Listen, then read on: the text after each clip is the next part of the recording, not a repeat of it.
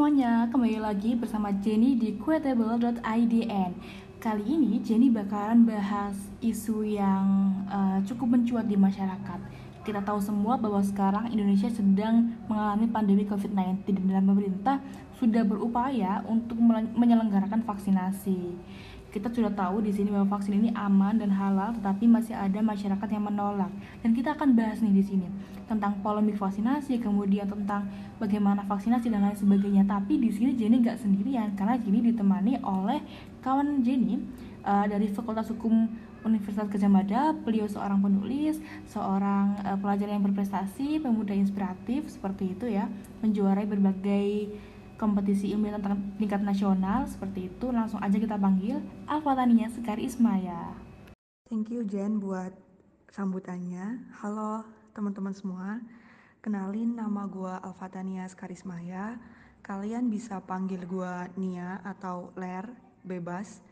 Tapi teman-teman gue biasanya panggil Ler sih kalau uh, di apa pergaulan sehari-hari gitu Gua sekarang mahasiswa semester 2 sama kayak Jenny. Gua kuliah di FA UGM. Salam kenal semua. Oke, langsung aja nih ke inti. Sempat baca tulisannya Nia yang sangat menarik tentang vaksinasi. Sebelumnya kita semua di sini udah tahu kan ya bahwa vaksin ini aman dan halal. Jadi teman-teman kok usah takut divaksin ya karena udah aman dan halal. Kemudian menurut Nia, apakah peraturan wajib vaksinasi itu sangat efektif?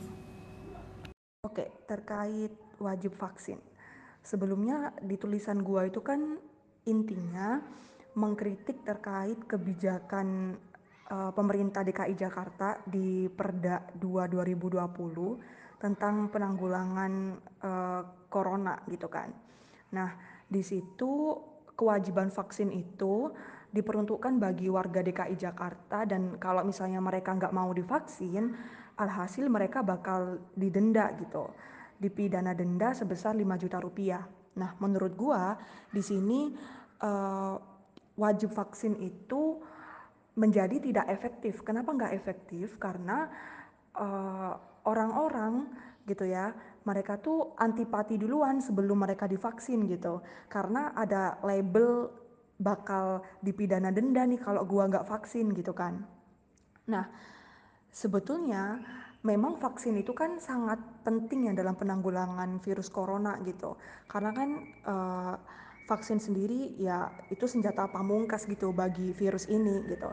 Yang jadi persoalan adalah optimal tidak optimalnya itu tergantung dari pola kebijakan yang diambil pemerintah. Nah sedangkan kebijakan yang diambil di sini tuh kebijakan denda gitu. Jadi menurut gua adanya vaksinasi disertai kebijakan uh, pidana denda ini bagi warga DKI Jakarta dari Perda 2 2020 itu bikin gak optimal sih gitu. Oke, okay, okay, I see. Keren, keren. Nah, berhubungan dengan hal itu, yang soal wajib vaksinasi ini kan bertentangan gitu kan ya sama layanan kesehatan yang merupakan kebebasan dari masing-masing individu.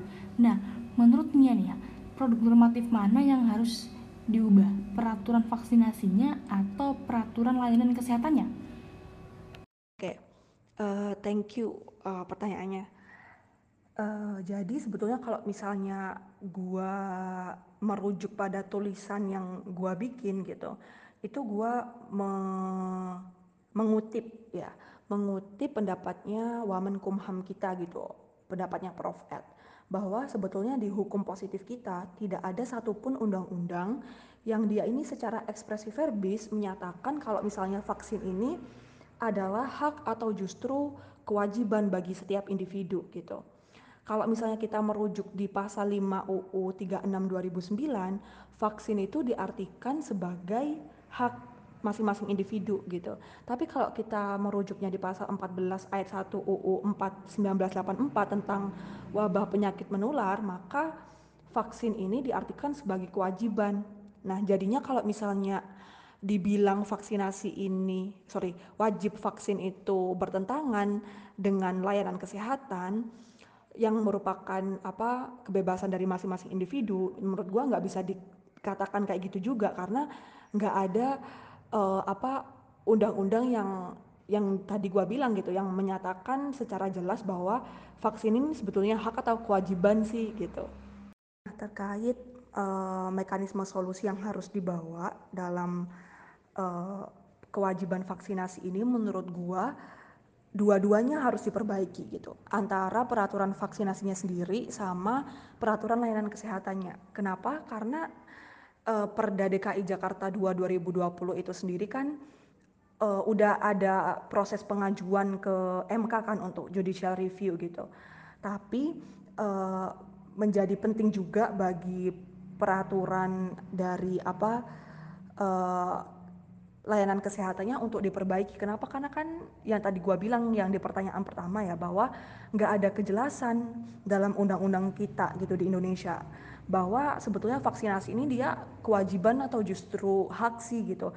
Nah, tidak adanya kejelasan ini menurut gua perlu dibuat uh, aturan yang lebih lanjut gitu, aturan yang bisa menjelaskan atau aturan yang bisa uh, memberikan apa ya uh, kejelasan gitulah bagi kita warga Indonesia bahwa sebetulnya vaksinasi ini tuh uh, merujuknya ke undang-undang yang mana sih? Undang-undang yang uh, menyatakan bahwa vaksin itu hak atau undang-undang yang menyatakan bahwa vaksin itu kewajiban gitu.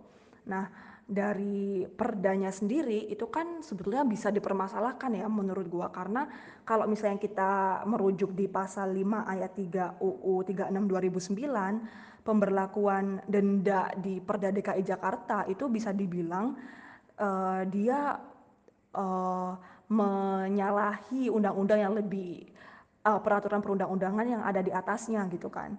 Jadinya ya untuk um, kepastian hukum maka dua-duanya harus diperbaiki dan harus uh, apa dijelaskan dengan terang benderang gitu menurut gua. Oh iya iya iya iya oke keren keren. Nah jadi kan sempat baca nih dari awal sampai akhir tulisannya Nia yang ada narasi tentang komparasi komparasi ya istilahnya dengan kebijakan ketidakwajiban vaksinasi di Australia atau di Australia. Nah ada poin penting yang uh, Jenny di sini. Dilihat-lihat ya memang benar ini bagus di Australia, tapi apakah kebijakan seperti ini workable gitu di Indo?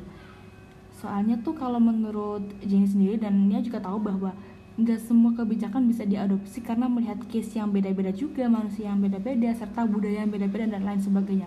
Apalagi bukan generalisasi ya ini, tapi bisa bisa aja nggak sih ini menimbulkan potensi masalah lain seperti bisnis sertifikat vaksinasi agar mereka mereka ini bisa terbang dan lain sebagainya.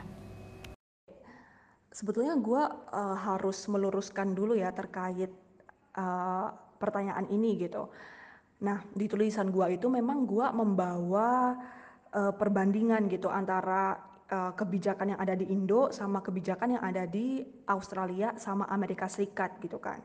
Tapi di situ gua tidak memberikan penekanan untuk meniru uh, seluruh pola kewajiban yang diterapkan di dua negara ini gitu. Tapi yang gua soroti adalah bagaimana negara-negara ini tidak memperlakukan pidana denda bagi mereka yang nggak mau divaksin gitu. Sedangkan Indonesia kan khususnya di DKI Jakarta dia kan menerapkan denda. Nah di situ yang gua soroti di perbandingan dua negara ini.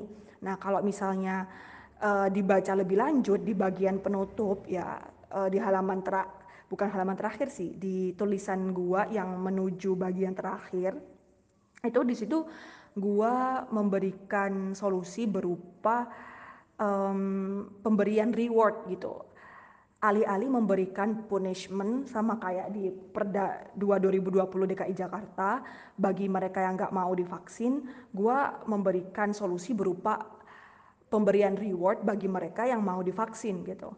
Jadinya uh, sebetulnya vaksin itu nggak perlu diwajibkan dengan memberikan pidana denda gitu, tapi diberikan reward aja gitu bagi orang-orang yang mau divaksin.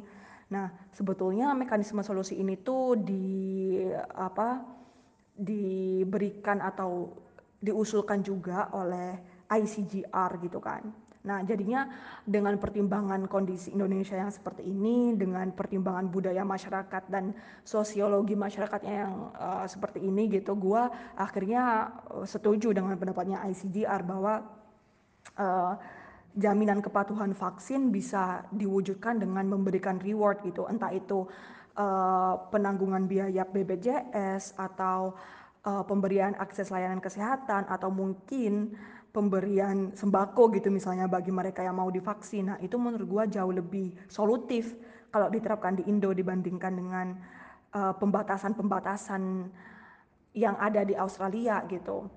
Nah jadinya lurus kan ya kalau misalnya gue jawab kayak gini bahwa yang gue maksud perbandingan dengan AUSI dan AS itu bukan dari pola pelarangan uh, bagi mereka yang nggak mau divaksin, tapi bagaimana mereka tidak memperlakukan pidana denda gitu.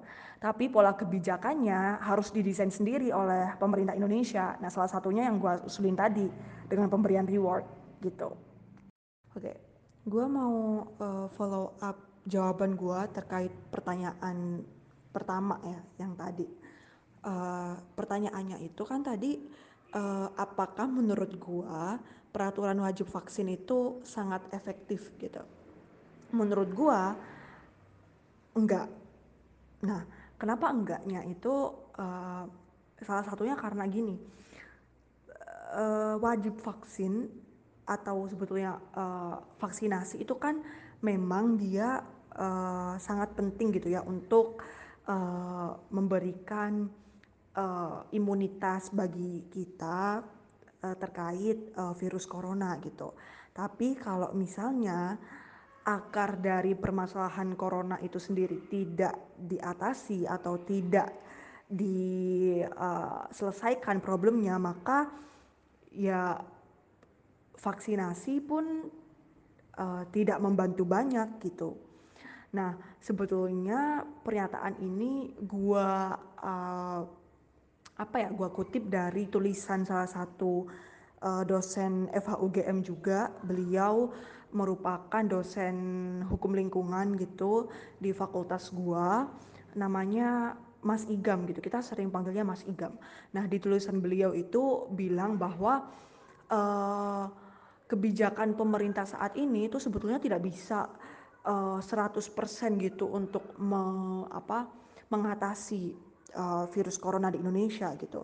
Sampai uh, pemerintah itu mengatasinya dari akarnya gitu. Bahwa kan uh, penyakit corona ini kan atau wabah virus corona ini berasal dari zoonosis gitu kan. Jadi penyakit yang diderita oleh hewan kemudian dipindah uh, alihkan ke manusia ketika manusia mengkonsumsi hewan tersebut gitu.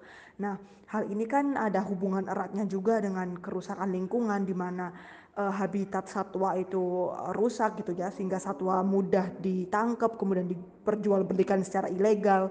Nah, jadi siklusnya kayak gitu kenapa corona itu ada. Nah, kalau misalnya siklus ini, siklus zoonosis ini nggak dihentikan, nggak diatasi oleh uh, pihak yang berwenang gitu, dalam hal ini adalah pemerintah. Karena kan pemerintah yang kasih izin gitu kan, pemerintah yang yang punya uh, wewenang untuk uh, apa mem, membuat kebijakan bagi para uh, apa pedagang atau orang-orang yang memperdagangkan satwa liar ini gitu yang yang uh, menjadi intermediate host dari coronavirus gitu. Jadinya menurut gua dengan intinya ya dengan adanya kewajiban vaksinasi itu nggak bisa dikatakan sangat efektif dalam uh, apa penanganan virus corona. Thank you. Keren keren keren banget Makasih ya Nia, kita tadi udah diskusi banyak banget dan sekarang sepertinya kita sudah harus mengakhiri diskusi kali ini ya kan. Nia tadi udah keren banget menjelaskan secara lugas dari pertanyaan-pertanyaan yang telah jadi sampaikan, kemudian juga telah membagi ilmu yang banyak banget buat kita semua. Sama-sama tadi itu Jenny cuma kayak melongo gitu uh, dengerin Nia kayak gitu. Saking brainstormingnya, saking oh iya ya, iya juga ya, ya nggak sih kayak gitu Uh, terima kasih nih ya sudah menyempatkan waktunya untuk hadir. Terima kasih juga untuk teman-teman Quotable yang setia untuk mendengarkan podcast dari Quotable atau senior dari Quotable seperti itu. Dan uh, saya juga mengucapkan mohon maaf apabila tadi penyampaian ada kesalahan atau yang kurang berkenan seperti itu. Terima kasih dan sampai jumpa di episode berikutnya.